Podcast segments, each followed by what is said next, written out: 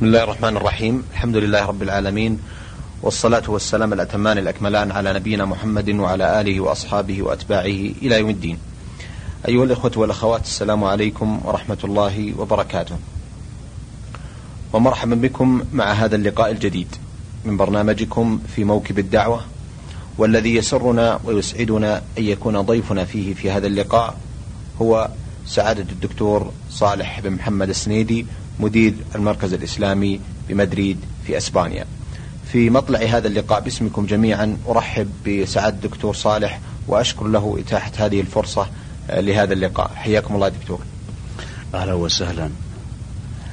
دكتور الحقيقة اعتدنا في مثل هذه اللقاءات وفي مطلع كل لقاء منه أن يتحفنا يتحفنا الضيف الكريم بنبذة مختصرة عن مولده ونشأته وشيء من تعليمه.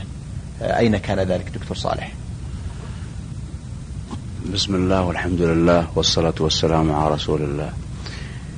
نشأتنا لا تختلف عن أبناء جيلنا الذين نشأوا وترعرعوا في أحضان القرى أو البلدان التي كانت في ذلك الزمن. وأقصد به بداية في الواقع النهضة التي شهدتها بلادنا في أوائل السبعينات حيث نشأنا وترعرعنا في إحدى بلدان القصيم التي تبعد عن بريدة حوالي 30 كيلومتر شرقا وهي بلدة الربيعية. كان أو كانت هذه النشأة في الواقع تعكس نشأة جيلنا الذين أو المخضرمين الذين عاشوا الفترة الأولى من نهضة هذه البلاد ثم بعد ذلك التطور الذي شهدته المملكة العربية السعودية على يد أبناء مؤسسها رحمه الله. فكانت النشأة كما تعرفون بين الحقل بين المزرعة وبين المدرسة. في البداية التحقنا بالكتاتيب على يد إمام المسجد الذي كان يولينا كل اهتمامه فحفظنا القرآن الكريم.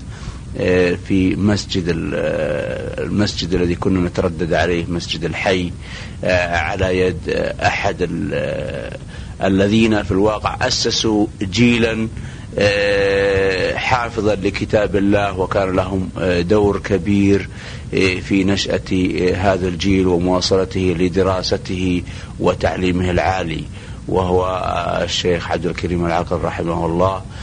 ثم بعد ذلك التحقنا بالمدرسة وواصلنا أيضا الدراسة بالكتاتيب والقراءة قراءة القرآن بالكتاتيب. التحقنا بالمدرسة وكنا في الواقع مع شظف العيش نكافح ونكابد لمواصلة الدراسة. ففي نهاية السبعينات أو بداية الثمانينات في الواقع التحقت أو بالتحديد حوالي عام 1382 هجرية. التحقت بالمدرسة وكانت تبعد عن البيت حوالي الكيلو ونص أو كيلوين وكنا نقطعها مشيا على الأقدام في أيام الشتاء الباردة. لكن هناك تصميم وهناك عزم وهناك إرادة على مواصلة الدراسة ثم بعد الخروج من المدرسة نذهب إلى المسجد للقراءة وكذلك نساعد أهلنا في أيضا الحصول على لقمة العيش سواء في المزرعة أو في المرعى أو غير أو غير ذلك. واصلنا الدراسة على الرغم من كل هذه المصاعب التي واجهناها ثم عندما انهينا وكنا أيضا وكنت والحمد لله أحقق النجاح المستمر وكذلك التفوق على بقية زملائي في المدرسة الابتدائية. ثم بعد ذلك تخرجنا وكان علينا الانتقال إلى المرحلة الأخرى هي المرحلة المتوسطة. فذهبنا إلى بريدة والتحقنا بمعهدها العلمي ثم واصلنا الدراسة فيه حتى أكملنا المعهد العلمي ثم بعد ذلك انتقلنا إلى الرياض للمواصلة الدراسة في الجامعة. هذه تقريبا لمحة موجزة عن مسيرتنا التعليمية الأولية. أحسنتم دكتور صالح. الحقيقة بودنا أثناء هذه المسيرة ذكرتم بعض الشخصيات التي تأثرتم بها كالشيخ عبد الكريم العقل وغيره. هل هناك شخصيات أخرى مثلا في المعهد العلمي أو في أثناء دراستكم الجامعية كان لها تأثير على حياتكم مساركم التعليمي أو تأثرتم بأخلاقها وأدبها وغير ذلك؟ هناك شخصيات كثيرة في مسار الإنسان يكون لها دائما التأثير سواء في التوجيه المباشر أو حتى في سلوكها وشخصيتها. فمثلا إمام المسجد كما ذكرنا الشيخ عبد الكريم العقل كان له الدور الأكبر في توجهنا إلى القرآن الكريم ودراسته وحفظه.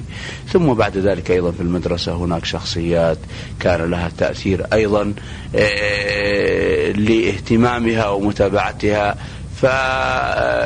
فتأثرنا بهم في الواقع وأيضا كان اقتدينا بهم. فكما تعرفون دور المعلم في غرس الأخلاق الفاضلة في شخصية الطفل أو الطالب وكذلك أيضا عملية الاقتداء ومحاولة متابعة الخطى فمثلا أحد الأساتذة أو عدد في الواقع من أساتذتي في الابتدائي لا أذكرهم جميعا لكن أذكر منهم الشيخ فهد الزمام مثلا كان يدرسنا المواد الدينية وكان بسلوكه وأخلاقه. نعم المثال ونعم القدوة. في المعهد العلمي في الواقع هناك عدد من المشايخ الذين آه، تتلمذنا على أيديهم وكان إيه، بحكم تقدمي الدراسي وتفوقي كنت أيضا مثار اهتمامهم منهم مشايخ أجلاء وأيضا كذلك أساتذة أساتذة المواد الأخرى. فدرست على يد الشيخ البليهي مثلا في المعهد درسنا مادة الفقه وكذلك الشيخ السكيتي وغير هؤلاء ممن آه، تأثرنا بهم وكانوا نعم الأساتذة آه، الذين آه، ساعدونا في متابعة دراستنا بل ومتابعتها بشغف. أثابكم الله دكتور صالح. الحقيقة أيضا آه، لم نتطرق بعد إلى دراستكم الجامعية بعد أن أنهيتم آه، مراحل دراساتكم الأولى في الربيعية وفي المعهد العلمي ببريدة آه، كيف كان انتقالكم إلى المرحلة الجامعية؟ قصة انتقالنا إلى الجامعة وإلى الرياض بالتحديد هي في الواقع كما تعرفون نقلة كبيرة لنا في ذلك الزمن لأن آه، زملائنا أو نحن خريج المعاهد العلمية آه، درسنا على النظام الشامل بمعنى درسنا مواد الثانوية العامة ومواد المعهد العلمي فتخرجنا من المعهد وأتيحت لنا فرصة التدريس مباشرة.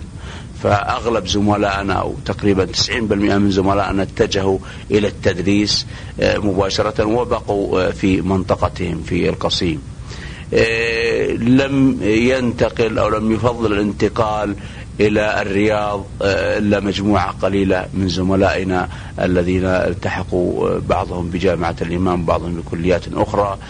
فمجموعتنا اتجهت إلى الرياض وكان اتجاهي في الواقع إلى اللغة العربية لأني أعشق اللغة العربية وآدابها وفي هذه الفترة كنت قرأت الكثير فيما يتعلق بهذا المجال. خاصة أنكم تعرفون في الزمن الأول كان التلفزيون في بداياته ونحن في القرية أيضا لم يكن لدينا آه، حتى الكهرباء لم يكن متوفرا فكنا آه، نتجه إلى القراءة الحرة آه، ونلتهم ما يقع تحت أيدينا من كتب.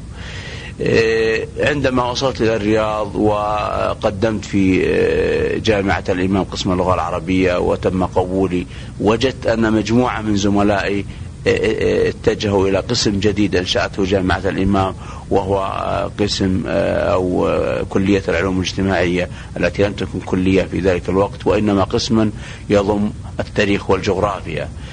فعندما وجدت زملاء التحقوا كعادة الشباب يرون في زملائهم خير قدوة وخير مثال فانتقلت معهم والتحقت بقسم التاريخ.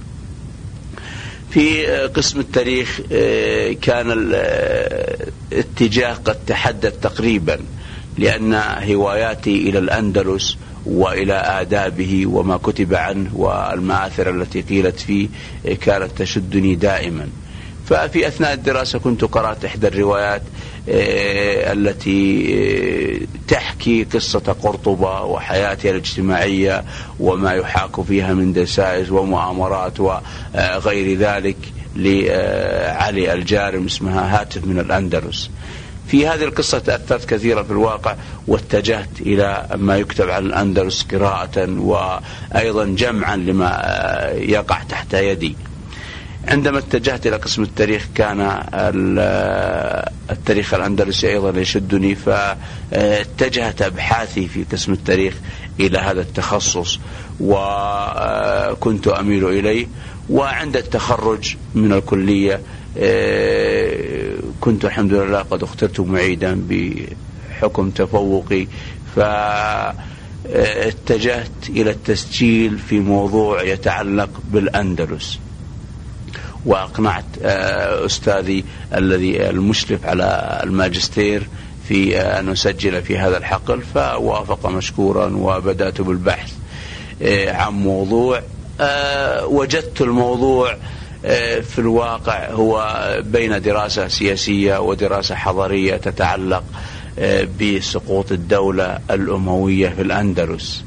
في نهاية القرن الرابع الهجري سقطت الدولة الأموية سقطة مريعة كانت تحكم الأندلس كاملا كانت من القوة بمكان فهوت سريعا فاستهواني هذا الموضوع واتجهت إلى دراسته ثم دراسة ما حاول بعض المصلحون أن يفعلوه في قرطبة.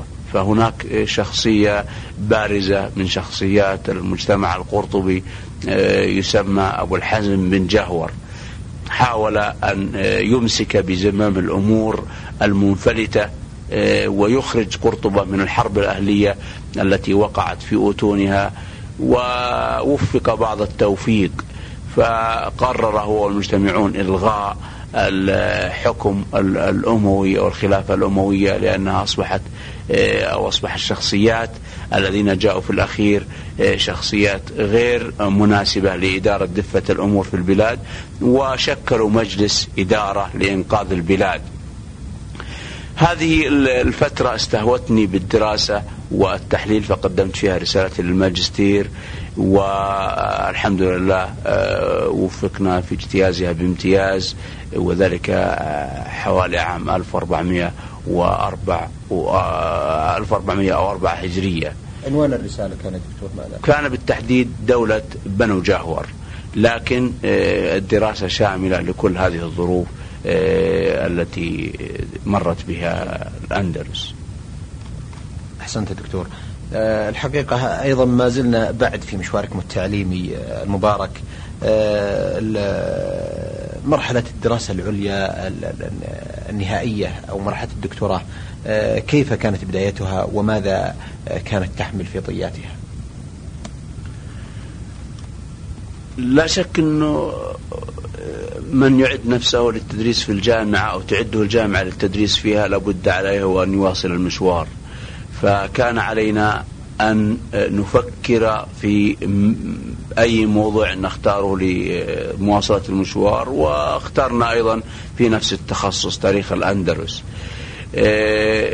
كانت في هذه الفرصة جامعة الإمام نشطة طبعا برئاسة مديرها الدكتور عبد الله التركي متع الله في عمره وزاده بالصحة والعافية.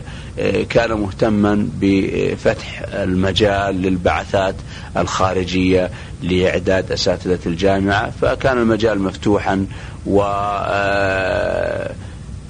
حاولنا أن نقدم موضوعا لمواصلة الدراسة في الجامعة آه، عن آه، أحد المواضيع حركة الاسترداد في الأندلس لكن آه، لم نجد القبول كثيرا في القسم فاتجهت إلى الابتعاث الخارجي وقدمت فكرة البعثة إلى إسبانيا خاصة وأن تاريخ الأندلس هو تاريخ في الواقع مشترك بين الدراسات العربية والدراسات الإسبانية فوجدت وجدت الفكرة قبولا لدى آه، عميد الكلية آنذاك الأستاذ محمد آه، العوفي آه، فشجعنا على المواصلة أو مواصلة الطلب. وافقت الجامعة مشكورة واتجهنا إلى إسبانيا فجامعة غرناطة هناك. وكانت الدراسة في الواقع صعبة لأنه من يحس نفسه أنه انتهى من مقاعد الدراسة ويجد نفسه يعود إليها مرة أخرى هي في الواقع نقلة يصعب قبولها. لكن تجلدنا بالصبر وعزمنا على المواصلة فدرسنا اللغة كانت اللغة أيضا ليست اللغة الإسبانية ليست باللغة السهلة واصلنا اللغة ثم كورسات الدكتوراه فسجلنا بعد ذلك موضوعا استغرق منا حوالي ثلاث سنوات. يحكي مرحلة آه، تعاكس مرحلة الماجستير. في القرن الرابع أو بداية القرن الرابع الهجري في الأندلس أيضا آه، ظهر شاب فتي آه، لملم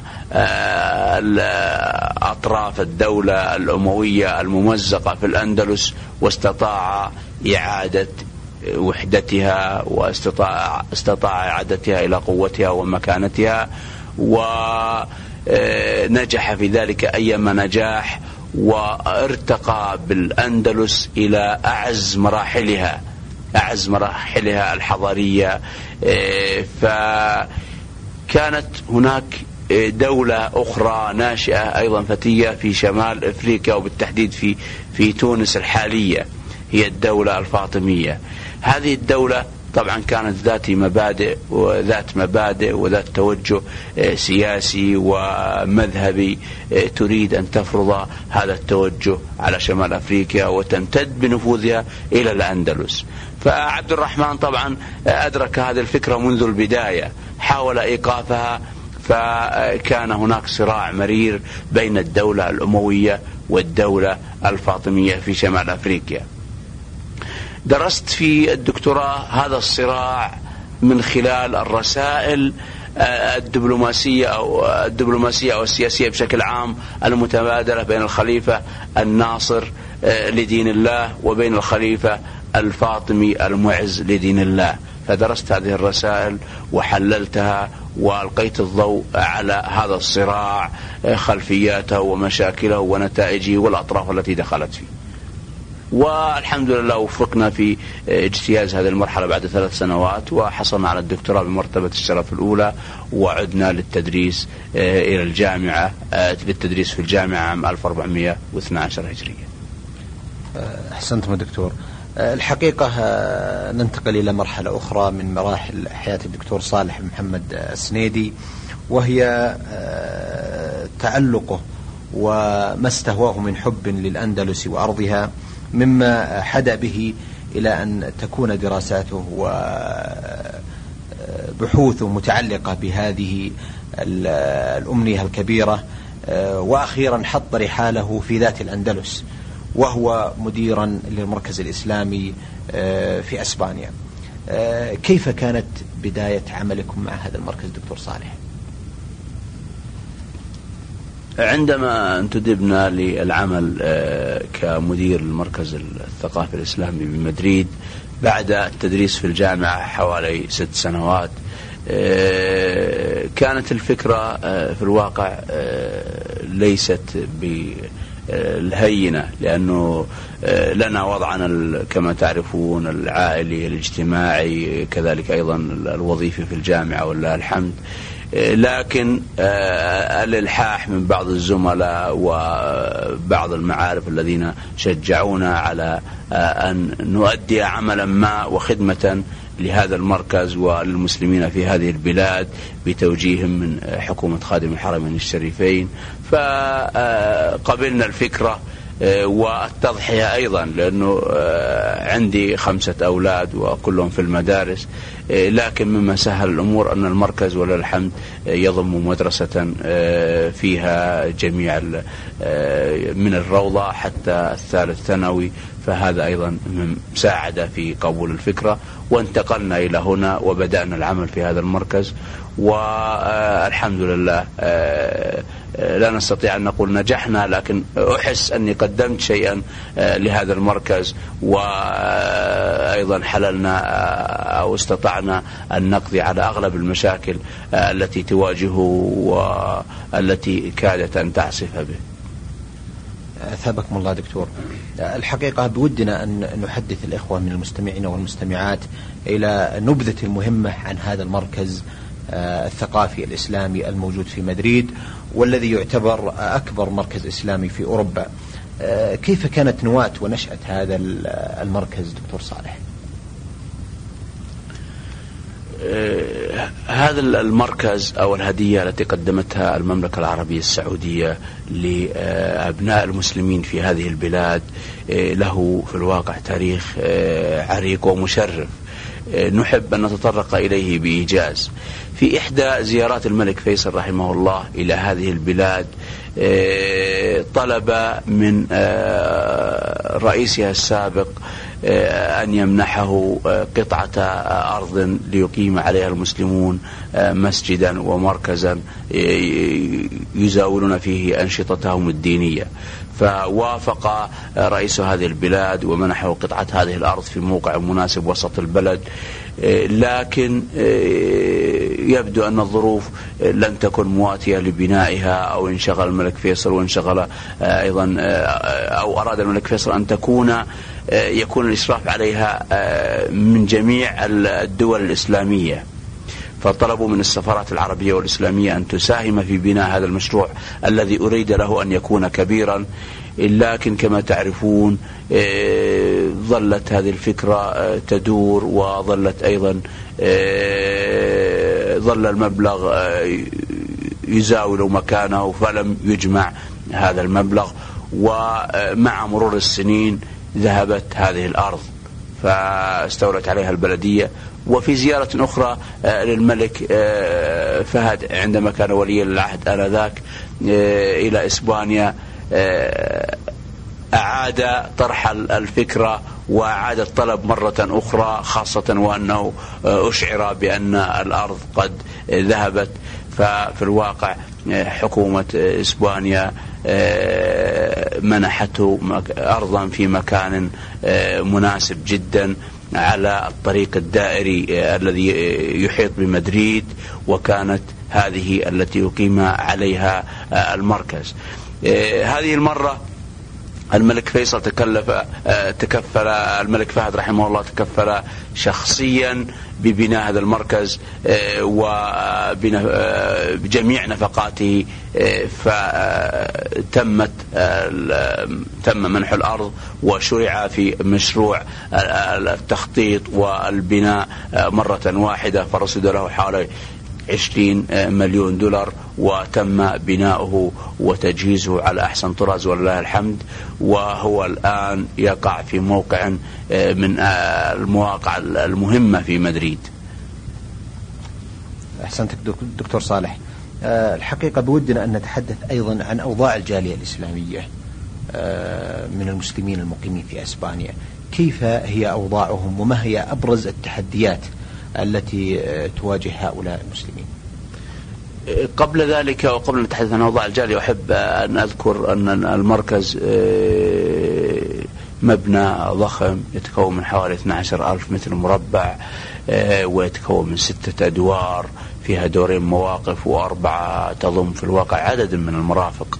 آه، فإلى جانب مسجد الرجال هناك مسجد مخصص للنساء وهناك قاعة كبيرة خصصت كمكتبة وهناك أيضا آه، قاعة معارض وقاعة محاضرات تعد من القاعات المهمة في مدريد. آه، تستطيع أو تسع 500 شخص تقريبا. هناك مرافق أخرى أيضا متعددة وكذلك الجزء جزء من المركز خصص للمدرسة. هذا المركز يقدم خدماته الجليلة للمسلمين بكافة جنسياتهم في الواقع وكافة مذاهبهم فهو بعيد عن المذهبية الفقهية التي تفرق ولا تجمع. الجالية تتكون من خليط من الأجناس منهم ما هو من البلاد العربية ومنهم ما هو من البلاد الإسلامية لكن هم بشكل عام يمثل السواد الأعظم منهم من جاءوا من شمال أفريقيا من المغرب والجزائر وغيرها من بلدان شمال أفريقيا. ثم تأتي بعد ذلك الجالية المشرقية من سوريا ولبنان والعراق وغيرها. هناك أيضا جاليات أخرى من بلاد إسلامية كباكستان وإيران وغيرها. فهؤلاء هم غالبية الجالية المسلمة. لا ننسى في هذا الخضام أن نذكر أيضا أن هناك عدد من المسلمين الأسبان الذين اعتنقوا الدين الإسلامي ودخلوا فيه فالمركز يقدم خدماته لكل هؤلاء بلا استثناء. أما لو سألتني عن نوعية هذه الجارية فأقول مع الأسف أن الأغلبية منهم هم الطبقة يعني الفقيرة وطبقة عاملة بالدرجة الأولى. هناك أيضا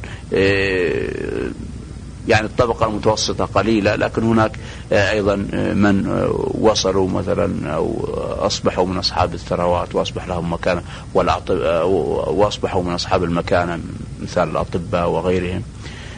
لكن في الغالبية مثل ما ذكرت هم من الطبقة العاملة. أحسنت دكتور صالح. لكن في الحقيقة ما هي انطباعات هؤلاء المسلمين بعد أن كان أو أصبح الحلم حقيقة ماثلة أمام أعينهم في هذا المركز الشامخ في موقعه وأعماله وأنشطته وخدماته عبر هذه الهدية الكريمة التي قدمتها حكومة خادم الحرمين الشريفين. لا شك أن شعورهم يتسم بالغبطة والحبور خاصة أن المركز يقدم خدماته هذه مجانية وبلا طلب حتى الشكر أو الثناء إلا الدعاء لحكومة وشعب هذا البلد اللي هو المملكة العربية السعودية الدعاء لهم الدعاء الخالص من الله سبحانه وتعالى أن يحفظ لهم بلادهم ومليكهم. ووطنهم. فهذا الشعور السائد ومن الأغلبية الكبرى من أبناء المسلمين التي تتردد على هذا المركز وتستفيد من نشاطاته المتعددة. لا أستطيع يعني ان ان أجمل النشاطات التي يقوم بها المركز لكن أحب أن اذكر بعضا منها. فمثلا في هذا اليوم الجمعه متوقع أن يصلي في هذا المسجد حوالي خمسة آلاف خاصة وانها جمعة تقع في رمضان فعدد المصلين حوالي خمسة آلاف شخص. آه الإفطارات التي نقدمها آه طيلة رمضان وكل يوم نقدم ما بين 400 إلى 500 آه إفطار ل 400 إلى 500 شخص. كذلك أيضا المركز يقوم بخدمات جليلة للفقراء والمعسرين. هناك أيضا أيتام يتبناهم المركز ويصرف عليهم شهريا. تساهم معنا أيضا هيئة الإغاثة مشكورة في بعض المساهمات. هناك أيضا مساعدة المعسرين خاصة من أولياء أمورهم في السجون وكذلك أيضا أرامل ومطلقات. كذلك أيضا هناك المنقطعين الذين يريدون أن يذهبوا إلى بلادهم أو إلى مدن أخرى لا يجدون ما يدفعونه للتذاكر. نقوم بشراء التذاكر لهم. هناك خدمات كبيرة وجليلة يقدمها المركز. هناك مركز اجتماعي خاص بالنساء يقوم بخدمة أو بتأهيل هذه النساء للعمل في المجتمع. فهناك مركز خياطة مثلا لتدريبهن على العمل على هذه المهنة وهناك مراكز أخرى تقوم بهذه الخدمة. على الجانب الآخر في الواقع المركز فتح أبوابه من خلال المدرسة لأبناء الجالية لأبناء الجالية ومنحهم التعليم العربي الإسلامي إيه، فلا شك أن الأقبال كبيرة على المركز والشكر لحكومة المملكة السعودية ممثلة في ملكها حفظه الله إيه، كبيرا والألسن تلهج بالدعاء إيه، لحكومة هذه البلاد وملكها المفدى. أثابكم الله دكتور. آه، الحقيقة آه، في ختام آه، هذا اللقاء